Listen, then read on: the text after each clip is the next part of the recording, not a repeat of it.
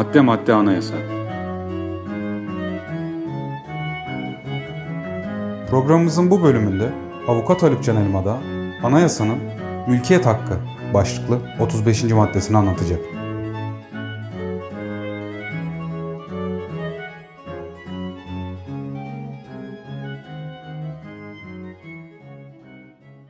Evet, mülkiyet hakkı başlıklı anayasamızın 35. maddesini inceleyeceğiz. Her zaman olduğu gibi maddemizi okuyarak başlayalım. 35. maddemiz diyor ki, herkes mülkiyet ve miras haklarına sahiptir. Bu haklar ancak kamu yararı amacıyla kanunla sınırlanabilir. Mülkiyet hakkının kullanılması toplum yararına aykırı olamaz.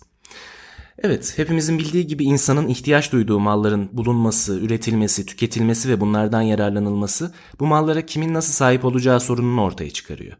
Tam da bu sebeple mülkiyet kavramı ortaya çıkıyor ve mülkiyet hem sosyal çatışmanın hem de sosyal düzenlemenin ve e, gayet tabii bir sonucu olarak da hukukun konusu olma niteliğini taşıyor. Hukuksal düzen içerisinde mülkiyetin kime ait olacağı, mülkiyet üzerindeki tasarruf, kullanma ve yararlanma iktidarlarının kimin elinde bulunacağı ve bu hakların hangi sınırlar içinde kullanılacağı en başından beridir çok tartışmalıdır. En başından beridir derken gerçekten de bu sorun ilk çağlardan beri tartışılmakta. Örneğin antik Yunan'da Platon ve Aristo arasında geçen mallara toplumun mu yoksa kişilerin mi sahip olmasının daha iyi olacağı biçimdeki tartışma günümüze kadar siyaseti ve siyasal düşünceyi sürekli biçimde etkilemiş.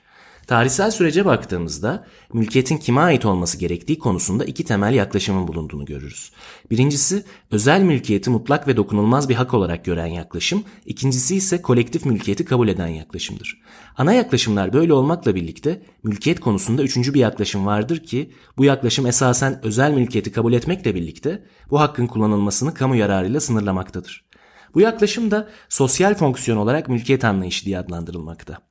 Şimdi bu üç yaklaşımın siyasi açıdan önemi her birinin farklı bir siyasal anlayışla örtüşmekte oluşu. Bu bağlamda şu tespiti yapabiliriz bence. Özel mülkiyeti mutlak ve dokunulmaz bir hak olarak gören yaklaşıma jandarma devlet diyelim. Kolektif mülkiyeti kabul eden yaklaşıma sosyalist devlet diyelim. Özel mülkiyeti kabul etmekle birlikte bu hakkın kullanılmasını kamu yararıyla sınırlandıran yaklaşıma ise sosyal devlet diyelim ki e, böyle dememizde bir sakınca yok çünkü gerçekten de aslında böyle. Her zaman yapmaya çalıştığımız gibi ilk olarak tarihsel süreçte bu gelişimleri kısaca gözden geçirip ardından da ülkemizde anayasamızda korunan mülkiyeti incelemeye çalışacağız birlikte. E, o zaman incelemeye ilkel toplumlardan başlayalım hızlıca.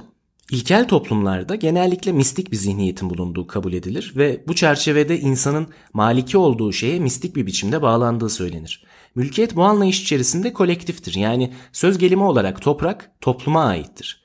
Çünkü gerçek birlik toplumda oluşmaktadır. Bireyin toplumdan ayrı bir varlığa sahip olduğu düşünülmemektedir. Toplum ise sadece yaşayanları değil, ölüleri de içine almaktadır. Dolayısıyla toprak üzerinde yaşayanların olduğu kadar ölülerin de hakkı vardır.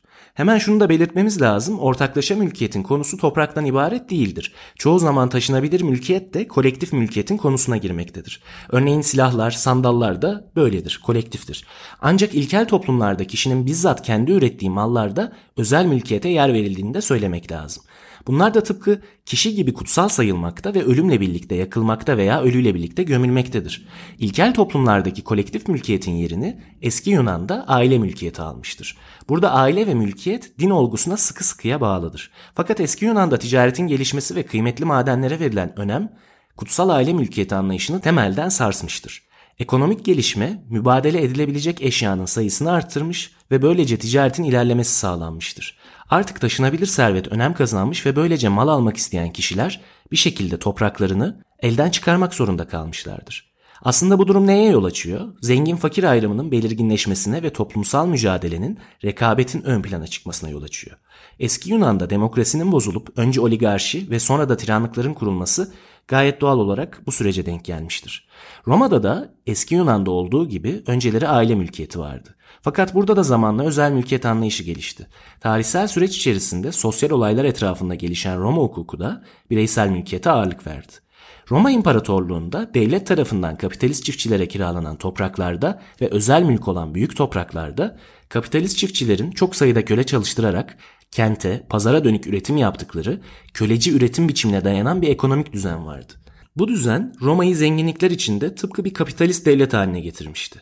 E tabii ki bu zenginliklerden belli bir grup yararlanmaktaydı. Bu çelişki de ayaklanmalara yol açtı ve çözüm arayışları Roma hukukunu şekillendirdi. Mülkiyet hakkının da bu hukukun en önemli esaslarından birini teşkil ettiğini söylemek lazım. Roma hukuku mülkiyet hakkında üç esaslı niteliği birleştirmiştir.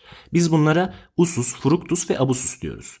Usus kullanma hakkı, fructus intifa hakkı, abusus ise tasarruf hakkıdır. Roma hukuku çerçevesinde mülkiyet hakkı neredeyse mutlak bir hak olma özelliği taşımış ve malik maldan kullanma, yararlanma ve tasarruf yönünden sınırsız olmasa da önemli yetkilerle donatılmıştır. Zaten bir mal üstünde yapabileceğiniz şeyler aslında bunlardan ibaret. Ya kullanırsınız, ya yararlanır, yararlandırırsınız ya da üzerinde tasarruf edersiniz. Bu yetkilerin sınırı kamu yararı düşüncesi olmuş ve bu bağlamda devletin kamulaştırma yoluyla mülkiyet hakkına müdahale etmesi mümkün kılınmıştır. Batı Roma İmparatorluğu'nun yıkılmasından 1400'lü yılların sonuna kadar süren Orta Çağ'da feodal düzenin egemen olduğu bir çağdır. Feodal düzen Orta Çağ'ın sosyal, siyasal, ekonomik ve hukuki düzenini belirlemiş.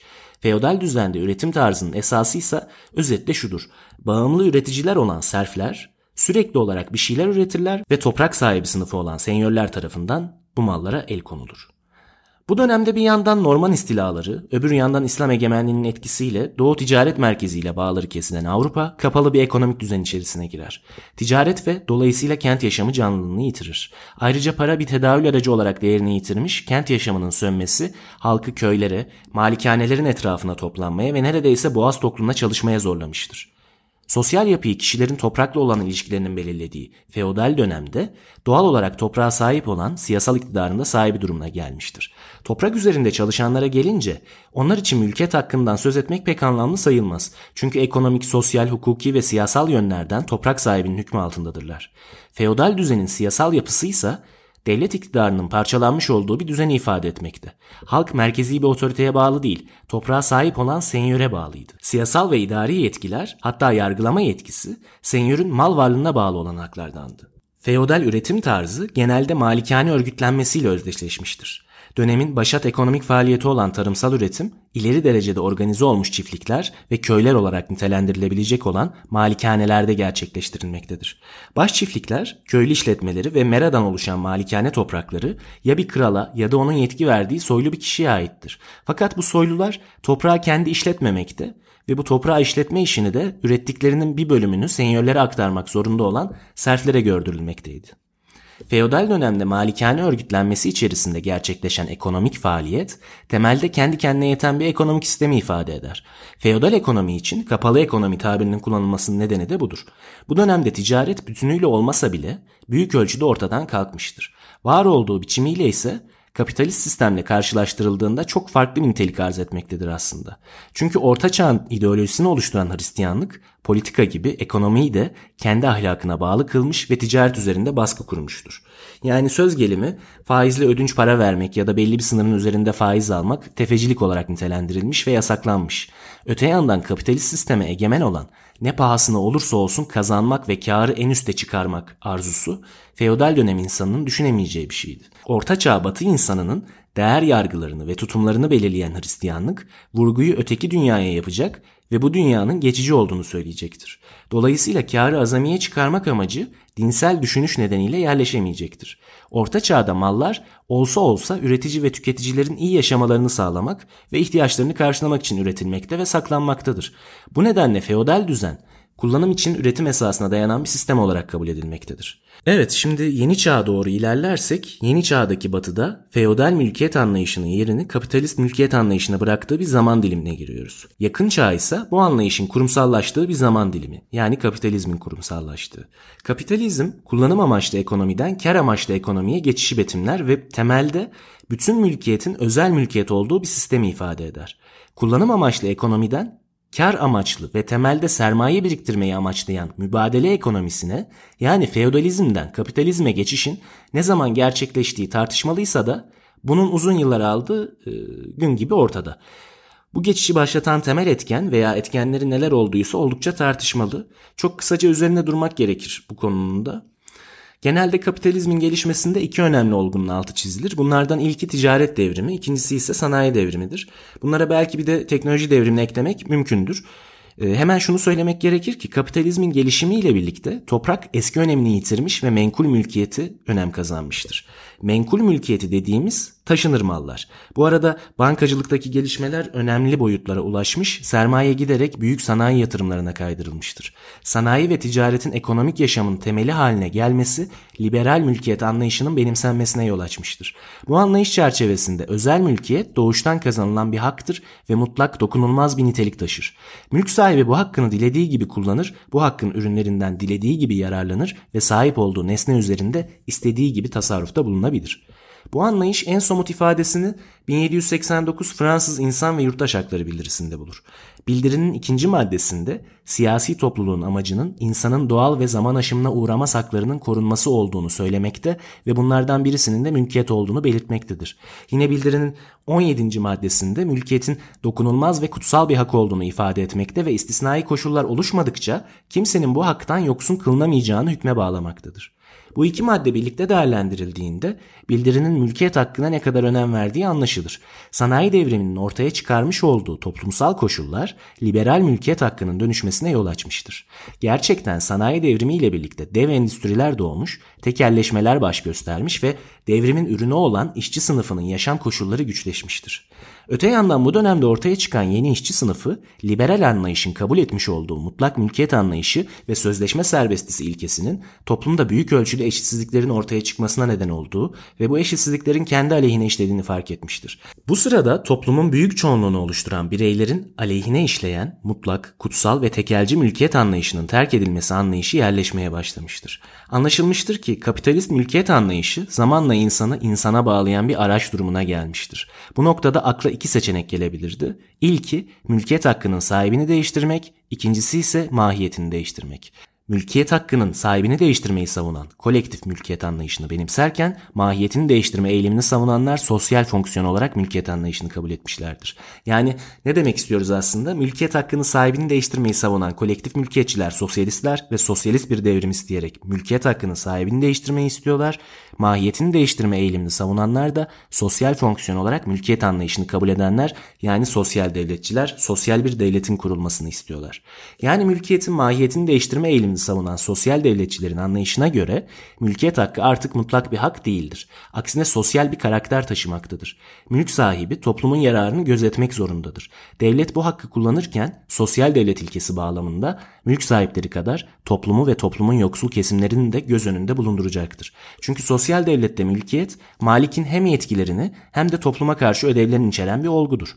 Kuşkusuz sosyal fonksiyon olarak mülkiyette mülkiyet hakkı yine bireyseldir. Kolektif bir nitelik arz etmez. Bu yüzden hem ulusal hem de uluslararası insan hakları belgeleri öncelikle kimsenin mülkiyetinden keyfi bir biçimde mahrum bırakılamayacağını vurgulamakta şayet kamu yararı nedeniyle bir mahrumiyet doğacaksa bunu da sıkı şartlara bağlamaktadır. Dolayısıyla esas olan yine özel mülkiyettir. Fakat mülkiyetin öznesiyle nesnesi arasındaki ilişki sadece ikisini daha doğrusu nesneye sahip olanı ilgilendirmez. Mülkiyetin öznesiyle nesnesi arasında kamu yararı kavramı mevcuttur.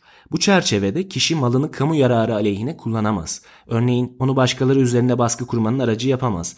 Ee, mesela söz gelimi bir ev sahibi kirayı alabildiğine yükseltemez. Hukuk kuralları bu noktada kiracıyı korur.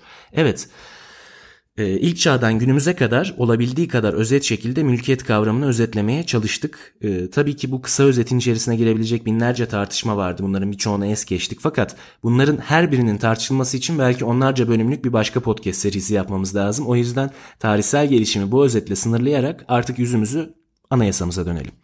Şimdi bizim anayasamızın 35. maddemizin ilk fıkrası ne diyordu? Herkes mülkiyet ve miras hakkına sahiptir.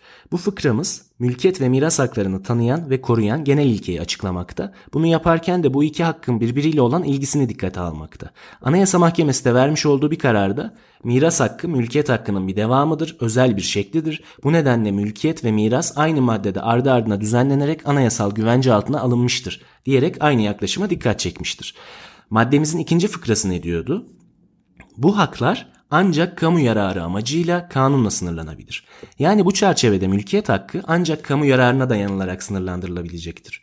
Fakat bu nedenlere dayanılarak yapılan sınırlamanın da önemli bir koşulu vardır. Bu sınırlamanın kanunla yapılması zorunludur. Dolayısıyla kişilere mülkiyet hakkını tanıyan anayasa bu hakla ilgili sınırlamaların getirilebileceğini de kabul etmiş bulunmakta. Maddemizin üçüncü yani son fıkrası ne diyordu?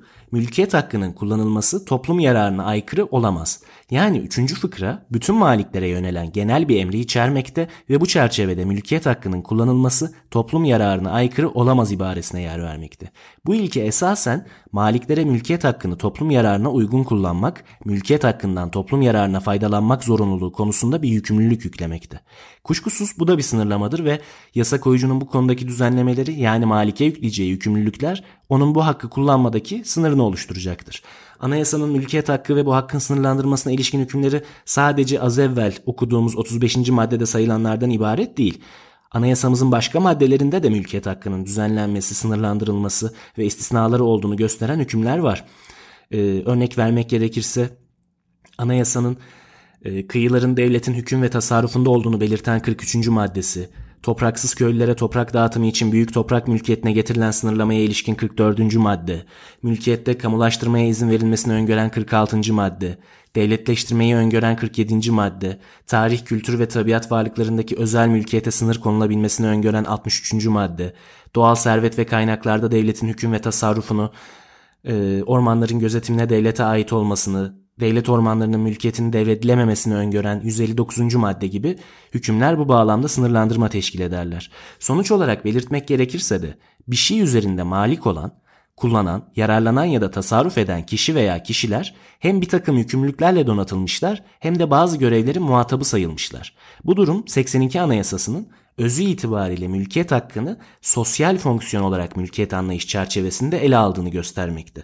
Yani en başta söylemiştik ya, Üç tane yaklaşımdan bahsetmiştik. İkisi katı yaklaşımlardı. Bir tanesi doğrudan kapitale gidiyor, bir tanesi doğrudan sosyalizme gidiyor. Arasındaki olan form da sosyal devlete gidiyor. İşte bizim anayasamızın kabul ettiği bu anlayış sosyal fonksiyon olarak mülkiyet anlayışı. Yani sosyal devletçi bir anlayış. Bu çerçevede mülkiyet hakkı mutlak bir hak olmayıp sosyal amaçlarla sınırlanabilen nispi bir hak görünümündedir. Zaten Anayasa Mahkemesi de tıpkı 61 Anayasası döneminde olduğu gibi mülkiyet hakkının sosyal amaçlarla sınırlandırılabilen sosyal bir hak olduğunu kabul etmiştir. Anayasa Mahkemesi'ne göre mülkiyet hakkı eski anlamda bireyin dilediği anlamda kullanabileceği bir hak ve sınırsız bir özgürlük olma niteliğini çoktan yitirmiş, mülkiyet anlayışı bu hakkın bir bakıma sosyal bir hak olduğu yolunda gelişmiş, birçok hak gibi bu hakkın da kamu yararı amacıyla sınırlanabileceği ilkesi benimsenmiştir. Başlangıçta kişinin eşya üzerinde mutlak bir egemenliği demek olan ve kutsal olarak kabul edilen mülkiyet hakkı çağımızda bu niteliğini yitirmiş, mutlak ve sübjektif olarak düşünülen bu hak mutlak olmayan bir duruma dönüşmüş ve sosyal işlevleriyle sınırlanmıştır. Bunu ben söylemiyorum, Anayasa Mahkemesi söylüyor. Tabii ki bu sınırlandırmalara ilişkin yapılacak çok fazla eleştiri var. Özellikle kamulaştırma, devletleştirme meseleleri çok sıkıntılı sonuçlara sebep olabiliyor. E, uygulamada da bununla alakalı sıkıntı yaşayan çok fazla insan var. E, bu meseleler de yukarıda bahsettiğim kaynağını anayasamızdan alan diğer sınırlama sebepleri gibi maddeleri geldiği zaman tartışılacak zaten. Bir sonraki bölümde 36. maddede düzenlenen hak arama hürriyetini inceleyeceğiz birlikte. Kapatmadan evvel şunu da söylemek istiyorum ki aslında görece çok sıkıcı konular olabilecek konuları uzun uzadıya inceliyoruz. Bu kadar yoğun bilgi olacağını tahmin etmemiştik. Çok güzel geri dönüşler alıyoruz. Bunlar bizi daha da motive ediyor. Eleştirilerinizi, görüşlerinizi bizimle paylaşmanız da bizi çok mutlu eder. Madde madde anayasa adresi üzerinden bizimle iletişime de geçebilirsiniz. Görüşmek üzere.